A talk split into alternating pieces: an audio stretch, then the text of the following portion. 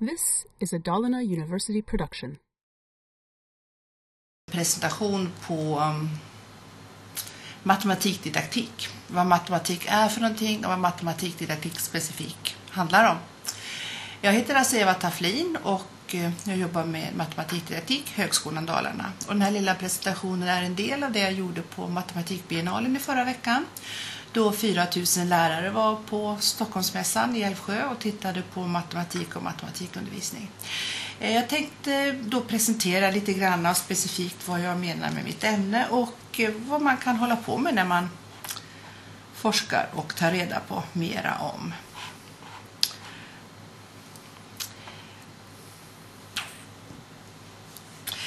Eh, just det. Matematiklärande undervisning och det låter väl egentligen ganska fånigt en sån här titel. Matematiklärande borde förutsätta undervisning och varje undervisning borde ju innehålla någon typ av lärande. Men det är ju faktiskt inte säkert. Det kan ju försiggå undervisning utan att någon lär sig någonting. Och det kan föregå, försiggå matematiklärande trots att det inte finns någon undervisning. Så de här två kan nog existera var och en oberoende av varandra. Och eh, den här lilla presentationen den ska då handla om matematikämnet, vad matematik är, vad läraren är för någonting, vad jag menar när jag pratar om undervisning och specifikt då i algebra. Det här är ett matematiskt uttryck skulle man kunna säga. Det är 10 lika med 3x plus y och det här är väl ett riktigt algebraiskt uttryck. Det innehåller både siffror och bokstäver. Men min fråga till er då, eller till dig som tittar på det här. Innan du går vidare nu så stanna upp lite grann. Försök att på så många olika sätt som möjligt tolka och beskriva uttrycket med ord, bilder och symboler. Och formulera ett liknande uttryck och undersök det. Det här uttrycket skulle jag idag kalla ett rikt uttryck därför att det leder till väldigt mycket spännande matematiskt innehåll. Vi tar och sparar det lite grann och så går vi vidare och tittar lite grann på de där första termerna som jag nämnde här, matematik. Eftersom det här då var algebra så går vi vidare till matematik. I nationalencyklopedin så är, står det så här att matematiken den är abstrakt. Och det tror jag är det allra viktigaste man har att utgå ifrån, att matematiken är extra, abstrakt. Den har frigjort sig från det konkreta ursprunget hos problemet, vilket är en förutsättning för att den ska kunna vara generell. Det vill säga den är tillämpbar i en mångfald situationer. Men också för att den logiska giltigheten hos resonemanget ska kunna klarläggas. Alltså man kan se om någonting i matematik är sant eller falskt. Det är ingenting som man behöver ha en personlig åsikt om. Utan matematik är någonting som man kan bevisa och som man kan belägga, man kan, man kan följa upp. Och man kan vara överens om när ett svar är fel eller ett svar är rätt. Och det är det som är en väldig styrka att matematiken kan innebära andra typer av samtal.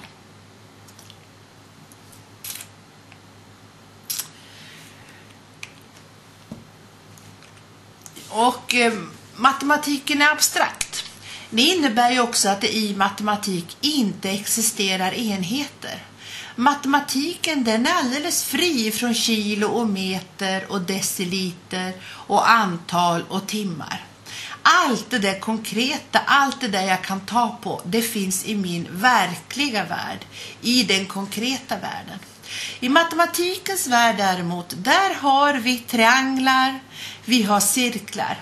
Och även om cirkeln är väldigt lik fullmånen eller väldigt lik solen så är det i matematik en cirkel eller en sfär om det är en tredimensionell figur. Vi har också i matematiken algebra aritmetik när vi jobbar med beräkningar, när vi jobbar med uttryck, när vi jobbar med bokstäver och, och, och siffror. Den här slingerbanan här i mitten, det är där undervisningen sker. Undervisningen i matematik sker som en koppling mellan det konkreta och det abstrakta. Och det tror jag är det allra viktigaste när man jobbar med lärande av matematik. Att ha en förståelse för matematik som en abstrakt värld och lärandet, den verkliga världen, som den konkreta världen. Och lärandet som en väg, ett sätt att passera den här muren eller den här avståndet, det här osynliga barriären mellan det konkreta och det abstrakta, mellan det man kan ta på och det man får tänka och föreställa sig.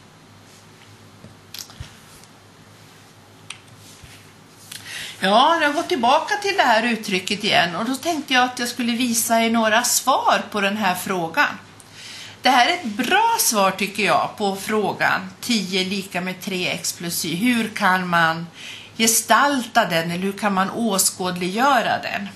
Och det här är elever då som har ritat den här bilden och de visar då kombinationer av talet 10. Där, och de har även visat på att de förstår att x och y är tal. Och redan det, att man förstår att x och y inte handlar om äpplen och päron, utan att x och y är tal. Och två tal som betyder att tre gånger ett antal plus ett annat antal ska bli tio. Så tre gånger två, som är sex, plus fyra är ju tio. Tre gånger ett är ju 3 plus 7 som är tio. Tre gånger 3 är ju 9 plus 1 som är 10 och 3 gånger 0 plus 10 som ju också är 10. Sen kan man ju åskådliggöra det här ännu mer men det är väl en alldeles utmärkt lösning tidigt i skolan som barnen kan få den här förståelsen för ett algebraiskt uttryck. Det här tycker jag också är väldigt spännande att se hur små barn väldigt tidigt förstår likhetstecknets betydelse och förstår olika räknesätt, i det här fallet då additionen, multiplikationen och prioriteringsregler. Också det här är ett spännande sätt att se. Kan man se att eleverna har räknat 6 plus 6 och skrivit 10. Men samtidigt där uppe så är det faktiskt 10. Så att det förmodligen är det fyra i den där kroppen på något sätt. Här står det 6 plus 4, då ser man att pluttarna där under flaggorna, de är 6. Och under klockan så finns det då 2 plus 2, så där ser man förståelsen för 10. Det är väl den första bilden man behöver lite hjälp av eleven för att tolka och förstå vad det betyder. Den här eleven han tyckte han var nog väldigt intresserad av pistoler och vapen och då är det ju viktigt att den här läraren har, förstår att eleven har förståelse för likhetstecknet och förståelse för addition och förstå, förmodligen också förståelse för multiplikationsuttrycket. Ehm, bara det här att man ser att det är tre pistoler som vardera är laddade med tre kulor eller vad det är och sen är det ett litet större vapen som har den tionde kulan. Och lika där under så ser vi en variation då med, med två, tre vapen med två i varje och så ser vi att det finns fyra då på det andra vapnet. Så det här är ju ett bilder som visar en väldigt god matematisk förståelse för likhetstecknet och antalet tio. Här finns det kanske lite mer att fundera över men även här är det väl bra illustrationer till mängden 10. Den här eleven behöver ju en lärare som förstår och kan reella och imaginära tal. Det kanske inte var avsikten med uppgiften men man ser att eleven har tolkat det så. Här finns det mycket som kan utgöra ett samtal mellan lärare och elev. Och även i det här fallet då där eleven kommer in på X och Y-anlag och kommer in på en mycket som jag som lärare måste få hjälp av eleven för att förstå vad eleven har förstått. Och kanske också i det här fallet kan man undra över hur eleven tänker över X och Y. Man får ju en känsla av att den bara adderar mängden X och mängden Y. 4 längst ner, då är det 3x och 1 y, då blir det 4. 8 står för att det är 6 y och 2 y. Och 12 står för att man har delar 9 och 3. I det här fallet så är ju både x och y 1 i alla de exemplen som förekommer där. Och även här har vi jättemånga intressanta lösningar och förslag på hur man ska tolka det här uttrycket. Här är det både derivater och här är det rätta linjer och här är det värdetabeller. Här är det talområden utanför heltal, alltså rationella tal. Och eh, största gemensamma delar om man kommer in på diofantiska ekvationer som en lösningssystem.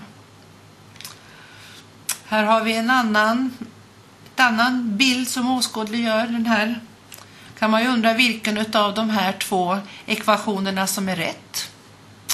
Väldigt intressant, värt att diskutera och jämföra. Och algebra då som jag pratar om. Det är ju faktiskt ett ämne som nu finns med redan i kursplanemålen för skolår 3. Där står det att eleverna ska vara, arbeta med att vara bekanta med matematiska likheter och likhetstecknets betydelse. I årskurs 4 till 6 ska eleverna ha strategier för att tolka och skapa enkla algebraiska uttryck och ekvationer i situationer relevanta för eleven. Och i årskurs 7 till 9 ska eleven också jobba med algebraiska uttryck, formler och lösningar. Eh, om ni kommer ihåg i början på den här presentationen så stod det också att det skulle handla om undervisning, matematiklärande undervisning.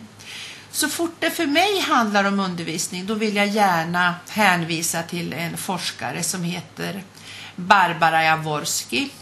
Och hon har någonting som hon pratar om som heter triaden. Och hon säger att det är tre villkor som läraren måste vara medveten om. Att läraren måste bygga upp eller utgå ifrån eller skapa i sin undervisningssituation. Dels handlar det om att läraren måste organisera för undervisning. Sen måste läraren ha en känsla för eleven. Och sen måste läraren välja ett matematiskt problem som är utmanande för eleven.